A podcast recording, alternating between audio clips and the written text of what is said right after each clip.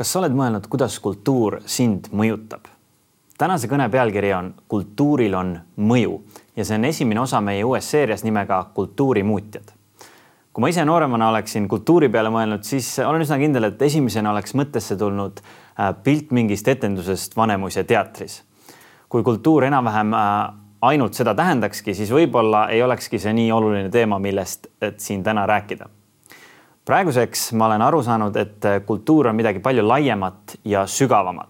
see mõjutab mind, aga ka sind viisidel, mida me võib-olla pole isegi endale teadvustanud. minu nimi on Valdur ja olen üks 3D koguduse liikmetest. jagan teile oma mõtteid kolmes osas. esiteks, mis see kultuur üldse on.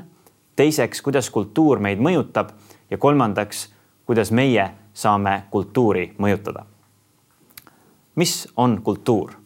Sõna kultuur on päri, pädi, pärit ladinakeelsest sõnast colere, mis tähistas algupäraselt maa harimist.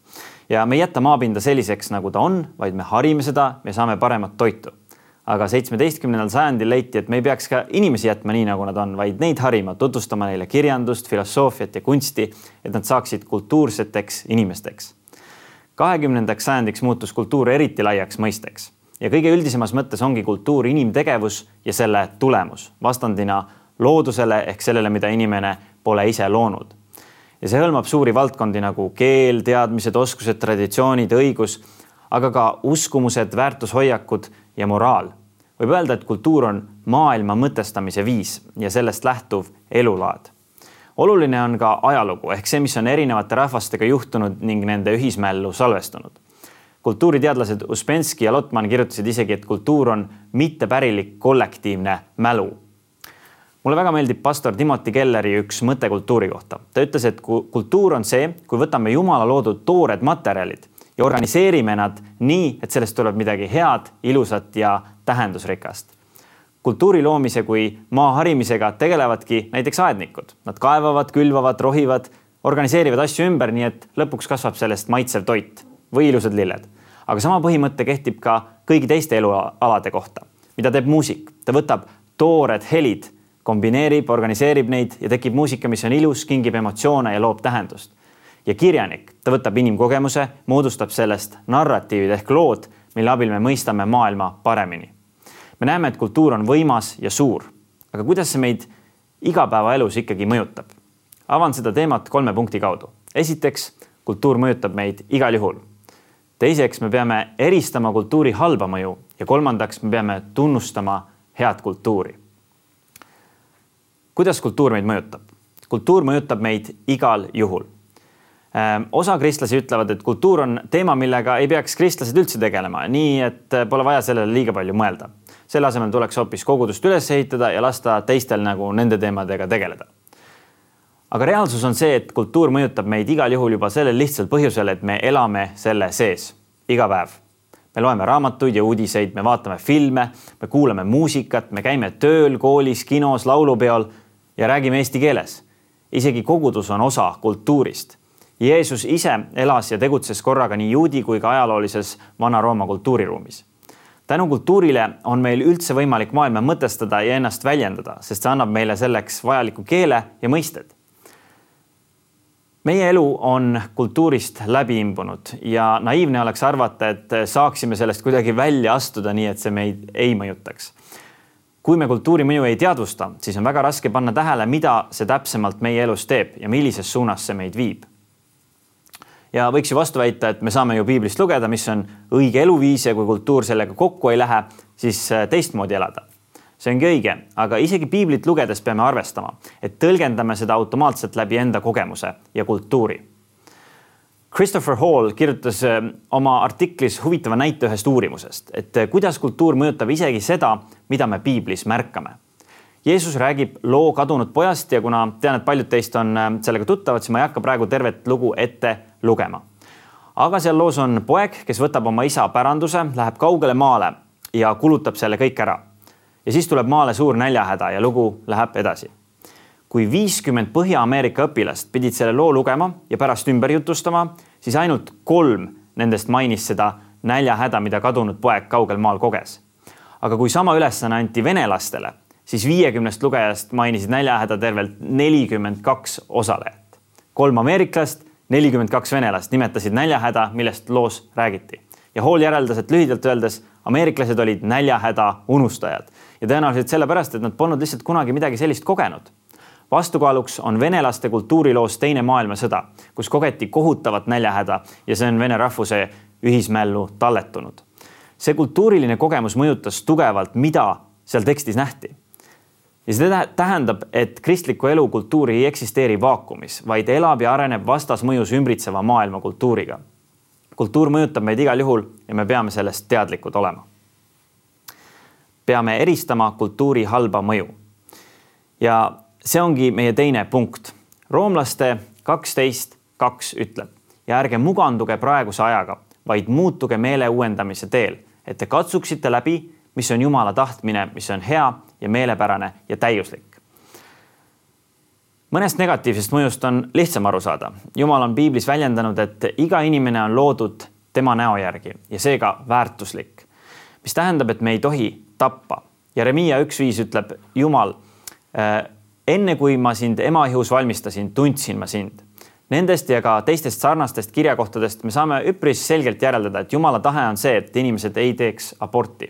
nii et isegi kui läänemaailmas on abort tavapärane kultuuriline praktika, siis kristlastena me tahame teha endast oleneva, et sellest hoiduda ja et aidata inimesi, kes taoliste katsumustega silmitsi seisavad varakristlik kirik on selles osas eeskujuks ja ajaloost on teada, et kristlased võtsid enda hoole alla beebisid, keda vanemad olid hüljanud nii väärtustati inimelu mitte lihtsalt teoorias, vaid ka praktikas, ligimese armastuses. keerulisemaks läheb siis, kui mõned kultuurilised narratiivid on meile nii sügavale sisse läinud, et me ei pane neid enam ise tähelegi. varem tundus kristlaste jaoks iseenesestmõistetav, et seks kuulub abielu juurde, aga viimaste aastate jooksul on see arusaamine hakanud kaduma paljud kristlastest noored arvavad, et see on okei okay, enne abielu seksuaalsuhteid elada see on ju üldse nende privaatne elu, et miks peaks kuidagi teiste asi olema seda kommenteerida. aga võib juhtuda, et need inimesed ei pane tähelegi, et nende otsus on rohkem mõjutatud tänapäeva popkultuurist kui piibli ajatutest tõdedest. ja vahel tundub, et iga teine Netflixi seriaal või romaan näitab abieluväliseid suhteid kui põnevat, erilist ja naudingut pakkuvat lahendust sellisele muidu igavale elule. kurb on aga see, et päriselus on tulemus hoopis pigem katkised südamed ja pettumus. sest Jumala poolt pakutud parim võimalus ehk seks armastavas abielu suhtes jääb kätte saamata. Kas oled mõelnud, kui palju taolisi sõnumeid sa igapäevaselt läbi filmide, muusika ja uudiste tarbid? ja kui see kõik meid juba aastaid alateadlikult on mõjutanud, kas suudame seda kultuuri mõju üldse eristada enda elus? peame tunnustama head kultuuri võib juhtuda, et neid näiteid kuulates tundub, et kultuur on ikkagi niisugune ohtlik asi, et kui see äh, meie mõtlemist pidevalt vales suunas liigutab, aga kindlasti ei ole minu sõnum see, et kultuur on midagi ainult halba. Ja kolmandana tahangi just rõhutada seda, et me peame tunnustama head kultuuri. piibli kohaselt on kõik inimesed, nii kristlased kui mittekristlased, pattu teinud, aga samas oleme kõik loodud Jumala näo järgi. ja see tähendab, et kristlaste loodud kultuur ei ole täiuslikult hea ja puhas, sest selle on loonud ebatäiuslikud patused inimesed. ja teisalt sekulaarne kultuur ei ole kindlasti läbinisti halb, vaid sisaldab palju head, ilusat ja väärtuslikku, mis tegelikult viitab Jumala suurusele ja headusele, sest selle kultuuri tegijateks on Jumala näo järgi loodud inimesed. Filiplaste neli kaheksa ütleb meile, viimaks veel vennad, mis iganes on tõene, mis auväärne, mis õige, mis puhas, mis armastusväärne, mis ülendav ja kui miski on vooruslik ja kui miski on kiidetav, seda arvestage. ja ma usun, et Paulus kutsub meid üles tunnustama kõike tõeliselt puhast ja õiget, kaasa arvatud head osa meie kultuurist. Ma olen märganud, et vahel inimesed eh, ei süvene hinnangute andmisel sisuliselt, vaid otsustavad millegi üle ainult välise mulje või sildi põhjal. ja olen kahjuks ka seda ise tihti teinud. kui poliitik ütleb, et ta seisab kristlike väärtuste eest aga oma sõnades ja tegudes naeruvääristab, mõnitab või isegi vihkab teatud inimgruppe, siis see ei ole piibli armastuse sõnumiga kuidagi kooskõlas. kui mittekristlik bänd loob muusikat, mis on heas mõttes, mis heas mõttes kõnetab inimesi ja pakub neile positiivse elamuse, siis me saame selle eest olla tänulikud ja seda tunnustada. samamoodi nagu me peame eristama kultuuri halba mõju, peame eristama ka selle head mõju ja seda vastavalt väärtustama ükskõik, kas selle loojateks on olnud kristlased või mittekristlased. kõne viimases osas saame mõelda selle üle, kuidas meie saame kultuuri mõjutada. esiteks, me saame olla ühiskonnas koos teistega hea kultuuri loojateks, aga kohtades, kus kultuur ja jumala sõna kokku ei lähe, peame olema soolaks ja valguseks. olla maailmas hea kultuuri loojad kultuuri selle loomine piibli järgi on hea ja väärtuslik, mõnes mõttes isegi Jumal ise tegi sellega maailma loomisel algust, sest ta lõi alusmaterjalid ja organiseeris need nii, et sellest sai korrastatud süsteem, universum, kus me praegu elame. ta tegi kaosest korra. Esimese Moosese kaks viisteist ütleb ja issand Jumal võttis inimese ja pani ta Eedeni aeda harima ja hoidma. harima, mida inglise keeles tõlgitakse tihti cultivate ehk kultiveerima, ongi seesama sõna, millest kultuur tuleneb Aadam ja Eeva olid esimesed inimesed ja Jumal andis neile põhimõtteliselt käsu hakata kultiveerima ehk kultuuri looma. me teame, et inimesed langesid pattu ja seega see looming ei olnud selline, nagu ta ideaalis oleks võinud olla. kui Iisraeli rahvas küüditati Babyloniasse võõra kultuuri keskele elama, siis Jumal andis neile juhised, et kuidas nad käituma peaksid. Jeremiia kahekümne üheksandas peatükis salmides viis ja seitse ütles Jumal Iisraeli rahvale ehitage kodasid ja elage neis, istutage rohuaedu ja sööge nende vilja ja taotlege selle linna heaolu, kuhu ma olen lasknud teid viia ja paluge selleks issandat, sest selle hea põli on teie hea põli.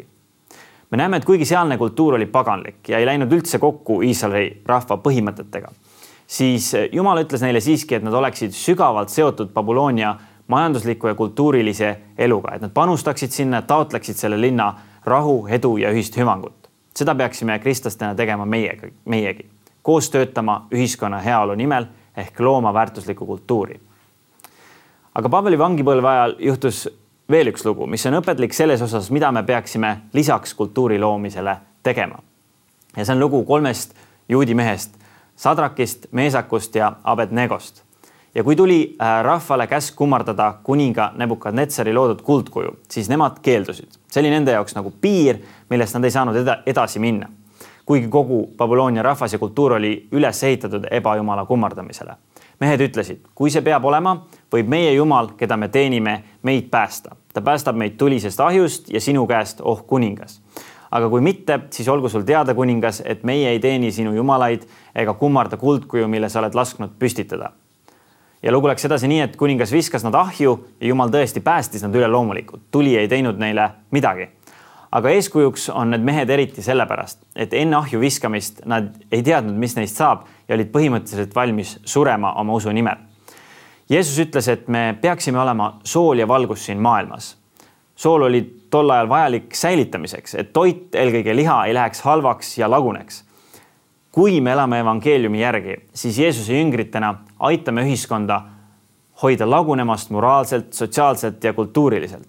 ja kristlastena me peaksime suhestuma kultuuriga mitte reaktiivselt, vaid proaktiivselt ehk siis ise võtma initsiatiivi, et tuua muutust kultuuri, mis on valele teele läinud.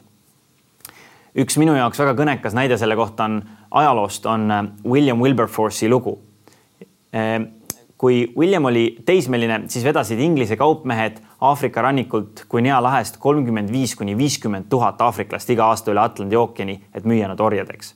äri oli võtnud nii laiaulatuslikud mõõtmed, et oli saanud täielikult kultuuri osaks.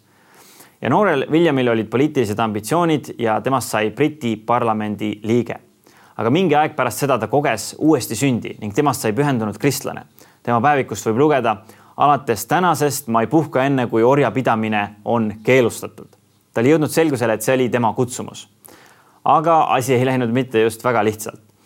ta pidas parlamendi ees orjapidamise kaotamiseks kõnesid aastatel tuhat seitsesada üheksakümmend üks, üheksakümmend kaks, üheksakümmend kolm, üheksakümmend seitse, üheksakümmend kaheksa, üheksakümmend üheksa, tuhat kaheksasada neli ja kaheksasada viis kuni lõpuks siis aastal tuhat kaheksasada seitse võeti vastu seadus orjakaubanduse keelustamise kohta Briti impeeriumis. ta võitles edasi kuni tuhat kaheksasada kolmkümmend kolm, nelikümmend kaks aastat hiljem keelustati lõpuks orjapidamine Briti impeeriumis. kaheksasada tuhat Aafrika orja vabastati ja kolm päeva pärast selle otsuse väljakuulutamist William Wilberforce suri. tema lugu on inspireerinud paljusid inimesi, et tuua muutust katkisesse maailma aga võib-olla sa mõtled, et okei okay,, aga ma ju ei ole Riigikogu liige ja otseselt orjapidamist ka Eestis enam pole, et mida mul siis teha. meie ümber on tegelikult väga palju võimalusi, eh, kuidas olla soolaks ja valguseks ühiskonnas. kui ma enda elule mõtlesin, siis eh, tuli esimesena meelde üks lugu sellest, kuidas ma ise algul ümbritseva kultuuriga kaasa läksin kaksteist, kolmteist aastat tagasi, enne kui Netflix Eestisse jõudis ja, ja Spotify'd polnud üldse olemas, siis oli keerulisem filme ja muusikat väikse raha eest legaalselt vaadata. ja ma hakkasin teismelisena tegema seda, mida tundus, et kõik teised ka teevad. ehk siis illegaalselt netist filme ja muusikat alla tõmbama. ja ma olin väga usin ja lõpuks mul oli mitusada filmi kõik hoolikalt DVD-de peale ümber kirjutatud aga kui mingi hetk selle kohta natukene rohkem uurisin ja sain aru, et tegelikult on sisuliselt tegu vargusega, siis hakkas mu südametunnistus mind piinama. ja lõpuks mõistsin, et ma pean tegema radikaalse otsuse ja ma võtsin kõik oma illegaalsed DVD-d, viisin need aeda ja peksin nad kirvega puruks. ja minu jaoks see oli suur vabanemine ja ma teadsin, et isegi kui see oli ähm, tol hetkel kultuuris nagu tavapärane seda praktiseerida, siis mina pidin tegema otsuse, mis oleks äh, Jumala põhimõtetega kooskõlas. aga kas sa tead, kes on olnud läbi maailma ajaloo kõige rohkem kultuuri mõjutanud isik? kuigi ta elas rohkem kui kaks tuhat aastat tagasi, siis praeguseks iga kolmas inimene maailmas ütleb, et ta järgib teda. meie kalender on paika pandud tema sünnipäeva järgi. raamat, mis räägib tema loo, on maailmas enim müüdud raamat? ja vastus on loomulikult Jeesus Kristus. aga Jeesus ei ole lihtsalt mingis üldises mõttes parim influencer. ta võib tulla sinu ellu isiklikult ja seda muuta parimas võimalikus suunas. roomlaste kümme üheksa ütleb, kui sa oma suuga tunnistad, et Jeesus on issand ja oma südames usud, et Jumal on ta üles äratanud surnust, siis sind päästetakse kui sa tunned, et tahad selles osas teha järgmise sammu, siis räägi sellest oma kogukonna juhile või kirjuta meile 3D kodulehe kaudu. me oleme kultuur, me oleme kuulnud, et kultuur on võimas asi, mis me, mõjutab meid igal juhul. kui me teadlikult kultuurist ja selle mõjust ei mõtle, siis me kohandume sellega ilma, et me isegi aru saaks. meie võimalus on õppida tunnustama kultuuri positiivseid osasid ja samas esitama väljakutse sellele, selle negatiivsetele mõjudele. ja 3D koguduse liikmetena me tahame luua kultuuri, mis toob maailma julget usku, tõelist pühendumist, pidevat elumuutust, kustumatut rõõmu ja tegudega armastust. ja seda on võimalik teha ainult siis, kui laseme evangeeliumil enda südant päriselt muuta aitäh kuulamast ja loodan, et järgnev aruteluaeg aitab sul paremini seda teemat enda jaoks läbi mõelda